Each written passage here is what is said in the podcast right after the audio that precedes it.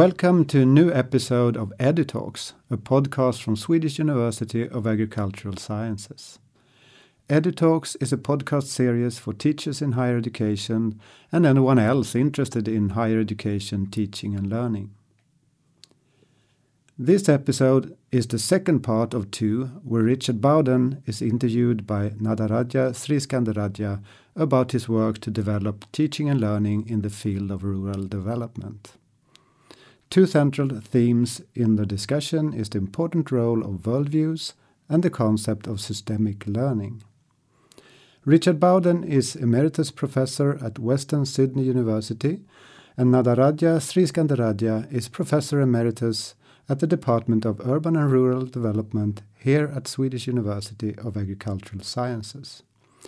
In this second part, we join the dialogue after a short coffee break.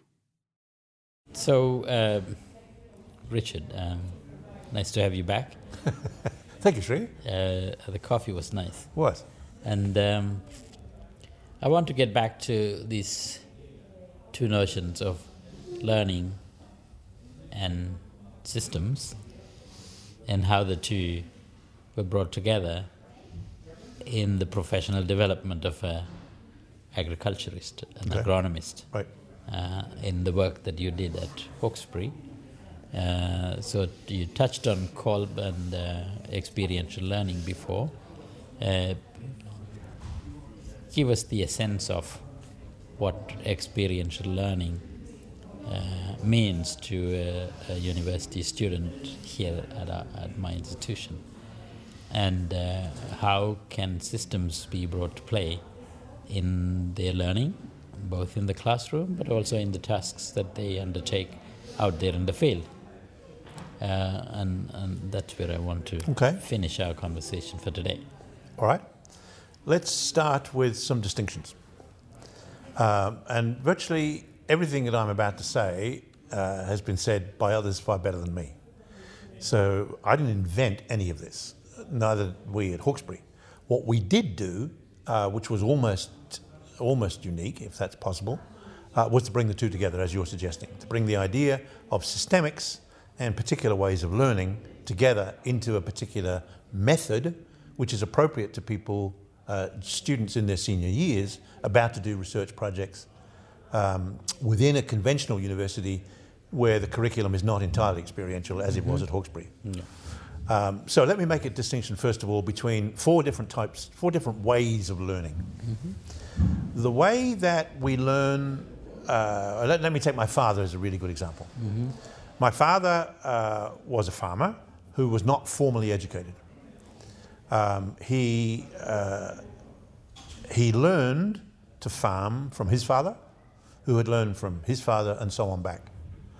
And so when I was born uh, in England on a farm, the, the way my father farmed and his, his brother in law together was exactly the same way as my grandfather had been farming. Uh, there were no chemical pesticides, there were no chemical fertilizers, um, there were no biocides in general terms, and because we were about to enter a world war, there was no fuel. And so we farmed by horses on 100 hectares with 24 different economic activities. And they, at my family, had been doing that for hundreds of years. Now, how do they succeed at that? How could they manage all of that complexity on 100 hectares, the cattle and sheep and pigs and everything you could possibly conceive of on this one farm, with rotations, with different crops being planted in different places, without knowing any science or economics for that matter? How could they do that?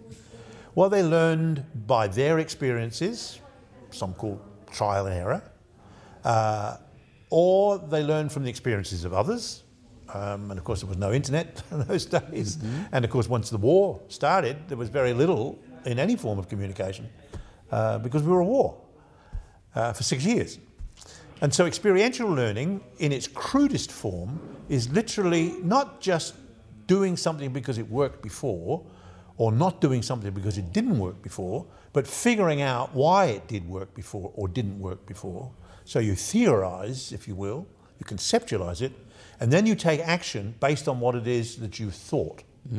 So, experiential learning is making sense of experience in order to take action to change the experience or change you or change both. That's experiential learning. That's not what we do in schools and universities. What we do there are two other forms of learning propositional learning, which is I tell you something, you remember it. Uh, that's a proposition, whatever it is. You accept it. So you and- accept it. And remember. it. You accept it and remember it. Uh, if you remember it, then you pass. If you don't, then you don't. Uh, now, you also understand, of course. Yeah. So you move progressions from simple chemistry into organic chemistry, into biochemistry, uh, into nutrition, and so on, where the principles that you learn, you learn because somebody told you them. Now, as you become more sophisticated, you can test them empirically. So, yes, you have this idea, you can design an experiment, but it's still propositional learning. There's sets of propositions that may or may not have anything at all to do with what you experience in everyday life.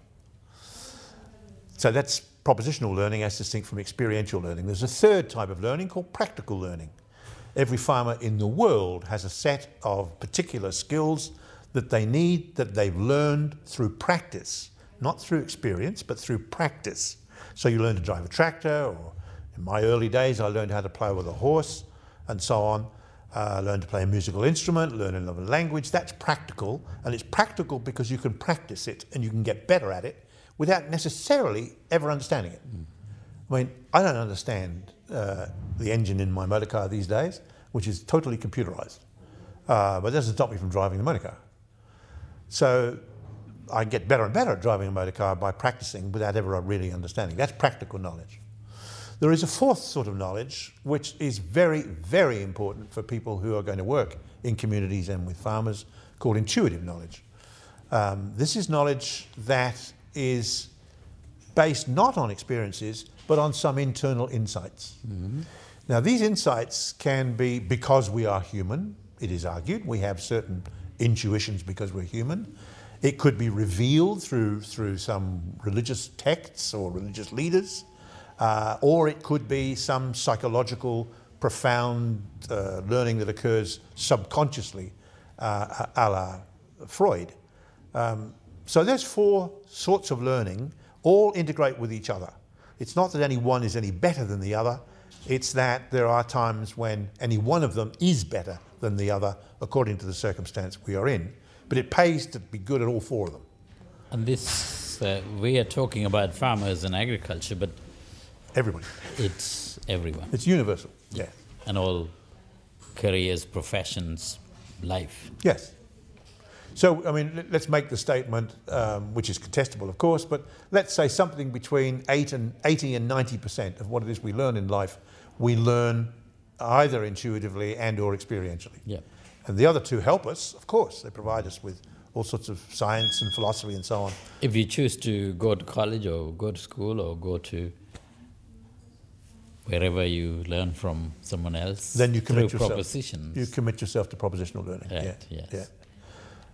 Yeah. So those those four four are- important. Now the reason why we focused at Hawkesbury on experiential learning, because anybody who'd come through a high school in Australia is pretty good mm. at propositional learning. Mm-hmm. So we just assume that when they're learning experientially, they will recognise there are things they need, what propositions they need to learn. Mm. Uh, so instead of me saying, let's start with chemistry and you can't progress to the second year until you've understood chemistry, in experiential learning, we say, here's a situation.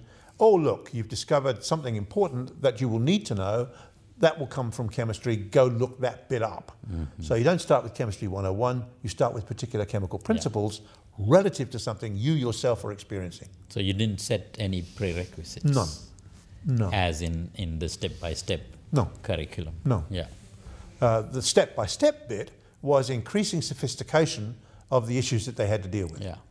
So in first year, the first week of first year, students were introduced to problems on our farms that they had to learn to deal with. In learning how to deal with, let's say there were weeds in wheat, uh, and a particular group of students were told, explore that, what would you do about it? Um, now, that would mean that the first answer would be, well, spray it. And so the facilitator would say, with what? Well, with such and such a chemical, if somebody knew. Mm-hmm. And you say, well, why does that kill the weed and not the plant? not the crop. That starts them then on this, this uh, search for answers to particular problems. Mm-hmm. Now, as they progress through their first year, then the problems got more and more complicated to situations where they were no longer problems. They were just mm-hmm. too complicated. They were just messes. Uh, problématique in, in, in French, just a really complicated messes. Where now it didn't make sense to talk about solutions. What now it meant was what represents improvements here? Where the improvements were again contestable. What's better for you is not necessarily better for him or her. What's better for you in terms of your progress as a student is not necessarily better for the farmer herself. Uh, and so you, you begin to learn that there really is no such thing as a particular answer to a problem when it's a problematique, when it's much, much more complex. Mm-hmm. And so in, to recognize something that is complex, that's the second then part of this whole issue, to say, well, what if we saw it from a systemic point of view? In other words, what if we saw it as interrelated bits that create a whole, whatever that whole is? So it might be a whole farm, or it might be a whole family, Or or, it might be a whole system, or a business, Or an or a whole system of thought, mm-hmm. or a conversation. Mm-hmm. Exactly. And by a system, we mean there is some sense of boundary. So you and I having a conversation now, this is bounded. Nobody else is part of this conversation. If someone else wanted They've been to join excluded. us, they've been excluded by the nature of the system. Yeah. If someone shouted, that would be an environmental stress that we would then either respond to or ignore. Ignore, yeah. But we would know that it happened. So the system, if you like, knows that there are things going on out there. Whether or not it then adapts to that or assimilates that is the choice of the system. Hence the notion of, of resilience. Uh, you can actually accept, adapt, mitigate, whatever um, and so on. Now, we don't really want to go into the complications of, of systemics here, but to take the first step uh, is a really important point to recognize, as I said earlier about languages, that when you're speaking systemics, when you're th- adopting a systemic worldview, you're speaking another language. You're making new sets of assumptions using new ideas, new concepts to make sense out of what you hadn't done before. Uh, a good example, for instance, in systemic thinking is we don't really think of linear causes. Here's something we're observing, there must be a cause, therefore there's a solution. That's linear. That's systematic. We do this, then this, then this. In systemics, it's often multi causal and it's so complicated you actually can't fix a cause. And so it gives rise to a phenomenon that systems people call emergence. So we're far more interested in what emerges than we are in the causes. Uh, now, those emergencies are often surprises. Oh, I didn't expect that to happen. Uh, now, to Oh, I didn't notice it or I didn't I notice wasn't it. Exactly. yeah, conscious of that. I wasn't conscious of it. That's right. Or it didn't fit my hypothesis, so I put it in my bottom drawer. Now, in terms of projects um, and student projects, which we promised we'd, we'd get onto, uh, it is important to have a project that's manageable. I always tell my, my uh, students, whether they're undergraduates or, or graduate students, uh, that you're not about to change the world. This is not what uh, a qualification is about. But prepare yourself to change the world. That's what it is you're trying to do. So focus on the process and all we've talked about in terms of worldview. Talk, think about the assumptions that you're making as you design your project. Keep your project really bounded to make it manageable. Um, your project will almost invariably be experiential. In other words, you will start with some experience or another. Now, you might start with a trigger from the literature, mm-hmm. but then you move to something that's, that's real. Mm-hmm. Otherwise, it's just scholarship, it's mm-hmm. not research. Well, not just scholarship, scholarship's important, but to do a project, you actually have to have changed something, either your understanding of something or the thing itself. So the idea of, of a project is to keep it discreet, but be aware of the process. I'm just in the process now of, of uh, interviewing a significant number of graduates who graduated 30 years ago from our program. And I'm asking them, really, what was important to you in the program, to your life? Not your career, your profession, or whatever, that's secondary, but to your life, of which your career and profession is part. Part, yeah. And the early responses that we're getting uh, are not surprising but extremely gratifying because people are saying what you did in that program that we didn't necessarily enjoy because it was very stressful is that we really learned how to live. We really learned how to make sense of complications in the world. Most of us uh, still hold to particular techniques that we, we learn, but that's not important. Uh, most of us don't use systems methodologies particularly rigorously, mm-hmm. but we know what that means. Mm-hmm. And when we when we are working with communities, we are aware of differences in worldview and we embrace those differences mm-hmm. rather than saying, well, that's stupid or we can't work with that or that's wrong, uh, that's unethical, uh, blah, blah. We, we, we have learned to create, as we are now, mm-hmm. our own system of communication, mm-hmm. which means that we're not going to finish up fighting with each other. Mm-hmm. Uh, we're going to work on a level of reconciliation, and you introduced me to that word mm. uh, a couple of years ago, mm. where I was talking resolution, and you said reconciliation is a much better word, mm. which is it is. So we're actually trying to reconcile differences. Now we might have to reconcile differences by changing our worldviews, by being prepared to say not just I understand where you're coming from, Yeah. but I appreciate where you're coming from, and as a consequence, we need to move to somewhere else uh, that what I thought was going to be the best way out of this situation and what you thought you needed, neither of us are necessarily the best option. Let's explore other ways of looking at things. Uh, and indeed, that is the strength, it seems to me, of the graduates from the Hawkesbury program of, of 30 years ago. I have two thoughts coming from this last bit. One uh, is that uh, typically the students that I come across here in my classrooms are conscious, are aware uh, of the basic notions of systems that you articulated boundedness, in, uh, components interacting, even to some extent emergence. But that's they have learned somewhere along the line uh, as part of, I guess, the propositional uh, teaching practice. Right. Uh, but they haven't been assisted to put that into uh, practice in the projects or things that they do. Uh, and so there, um, that leads to my, my second thought, which is these graduates that you are speaking to 30 years after they went through this education, they don't necessarily use the, the system's methodologies in the way we uh, made them to do and created stresses and all of that. Uh, but that has led them to a satisfying professional and life situation.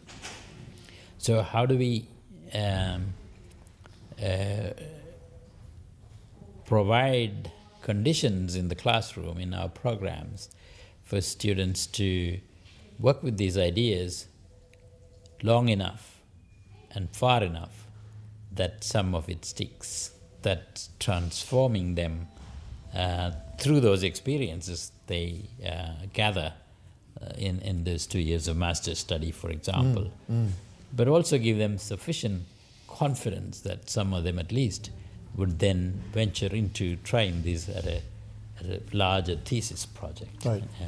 And I, I have not succeeded, I No. must admit, uh, in, in doing this because I, this is provided in the context of a single course, or one exposure, Sure. as opposed to what uh, you and I did in, uh, in Australia, where it was a Years. comprehensive program of progressive, transformative change. Uh, well, I, I was um, offered a job in the United States when I finished at Hawkesbury in, in uh, 1999 to come and do the same thing in America, to do a Hawkesbury. And when I was offered the job, I said, that's impossible because your curriculum is nationwide. Uh, the, the, as you know, the land grant university has a, has a national curriculum. And uh, 10 years earlier, I had been part of, a, of an initiative of curriculum reform in the United States based on systems thinking, and that had failed for the very reasons you say. And so this time, uh, and I was there in, in the US then at Michigan State University from 2000 to 2008, uh, was to try and make it personal. Because the, the, the biggest uh, transformative challenges are not likely to occur in the classroom. not likely to occur even in your project, not likely even when you visit communities, unless you're extraordinarily lucky. But everybody in life has some existential crisis, whatever it is. You fall in love, you run out of money, you miss your bus, whatever. There's a crisis. And you then have to say, Kicked out of your apartment. now kicked out of your apartment. Now what I do? You know, I've got to think of something different. Um, and I go back to the idea of, of languages. When you arrive in a country where you can't speak the language, and my classic example was Thailand, where they write speech, or they write uh, street signs phonetically. It depends on the way the person who wrote the sign actually pronounced it. It. uh-huh. So you can't look it up in a dictionary. So you actually, uh, you know, my first time in my life, I was totally lost. This is before I went to China or anywhere else. But Thailand to me was an existential shock. Just, you know, what do I do now? I'm, these people don't speak English. I can't read the signs. Boom. Uh, so it's that sort of personal thing, and that's what I encouraged in the United States. And I think you actually sat in one of my classes uh, there, where we did precisely that, where we actually asked students to forget everything else about what it is they were trying to do in the university. And just think of a personal crisis where the situation they were in, they couldn't actually deal with the way they would normally deal with simple problems or, or tests or, or whatever else. And that to me now is, is what it is I've been doing for a, a number of years, um, ignoring the, the particular course that we're in and then relating it backwards to say, okay, now if you can imagine a situation in agriculture or rural development or the challenges of rurality or, or whatever, now trying to imagine what it's like for someone on the ground to be faced with that. Um, you know, climate change is a, is, a, is, a, is a useful one. You know, imagine what it's going to be like when it doesn't rain anymore, or it rains too much, uh, um, uh, or whatever. Or imagine yourself living in Beijing, uh, and you wake up in the morning and your eyes stream and you cough, and you're going to do that for the next 24 hours or 48 hours. Um, you've got to do something about that because you can't keep doing that, uh, and so on. So that, that is, is what I've tried to do. And then, in terms of making that systemic, to recognize that whatever situation you are in, even if it is something as simple as missing a bus, uh, it is part of a much more complex notion of whether you should catch a bus at all in the first place. You know, what are the carbon emissions of that bus, and so on. Now, the student reaction is often, well, that's infinite. I mean, you just keep going forever and ever, uh, amen. Um, the point about systemics, the way I deal with it, is it has to be pragmatic. There has to be a point of view, a point where you reach a stage of saying, well, beyond that, I either have no control, or uh, my choices are now can be limited down. I don't have time enough in my master's study. I don't have time enough. I don't have enough money in my pocket to, put- you know, whatever. Yeah. Um, and so one of the keys of systemic thinking is putting the boundary in mm-hmm. and being sure of where you're putting that boundary mm. and then dealing with the, with the boundary versus the environment in which it mm-hmm. sits. Mm-hmm. Okay, so that uh, let's wrap up this conversation by imagining a, a typical SLU graduate student uh, who's either in the first year entering a new master's program, and we have a variety of them. Um, natural resource management, rural development, environmental communication, uh, soil and water management, and so on. Where some of them are coming from uh, essentially a science oriented uh, curriculum and want to do an applied project. Um, and others who are going to work with communities in you know dilemmas to do with natural resource management.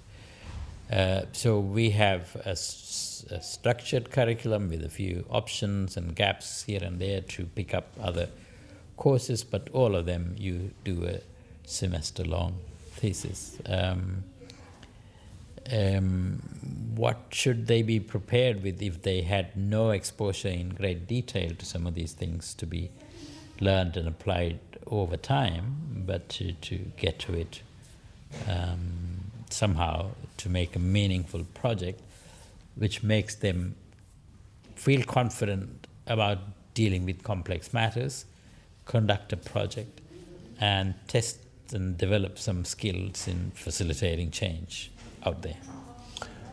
I was thinking about that this morning, um, waiting for the bus. And you have five minutes to no. Okay. well, I think waiting for the bus to come here this morning, and being aware of the speed at which cyclists cycle in Sweden, in Europe, where it is a natural, natural evolution of transport in Europe generally, wherever it's flat, that cyclists know how to do that. They know what speed they can go in terms of safety and so on. To a foreigner, a pedestrian, you risk getting knocked over every two seconds because you have to know the rules of the road. They do, you don't. So, one of the first things you have to do is to sort of observe what's happening. Um, yesterday at the hotel, for instance, I wanted to go and, and visit some places around uh, the city, uh, and there was a bicycle. And the person at the hotel said, Why don't you take the bicycle? You've got to be kidding. of course, I can ride a bicycle. I've ridden a bicycle all my life. But the bicycle, in the context of what's happening out here, absolutely no way. So if I were to now see that as a project, mm-hmm. I would now have to go out, leave the bicycle at home, and go out and observe the way everything was happening, and then bring out the bicycle and do it. Mm-hmm. So practicing the bicycle is not necessarily going to help me all that much. Mm. I've got to be competent at that. Mm. So in terms of a project, for me, it's understanding the impact that I'm going to have to keep the metaphor going.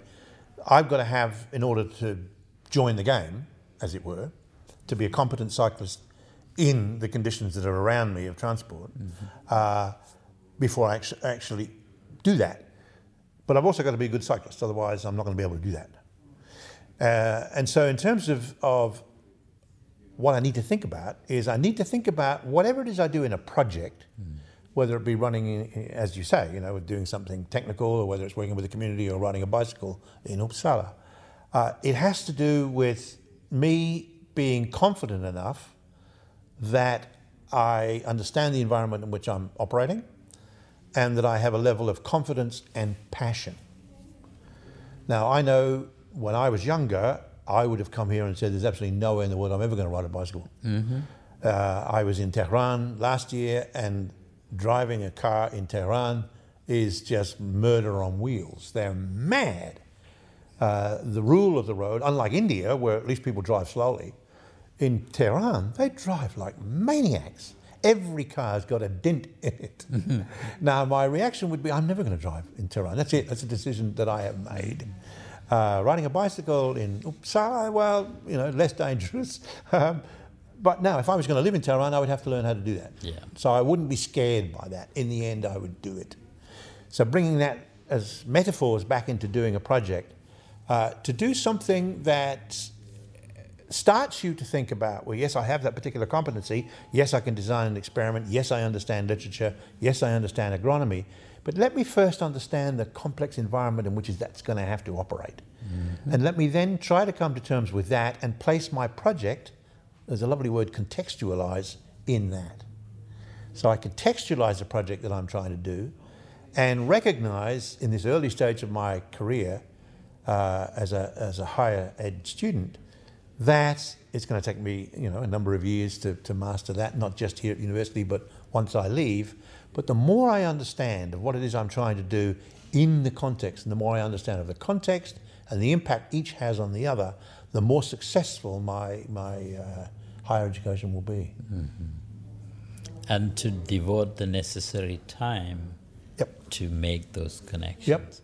And this is not about uh, doing a project within a formal university program. This is also about projects Life. in life, projects Life. in your Absolutely. career.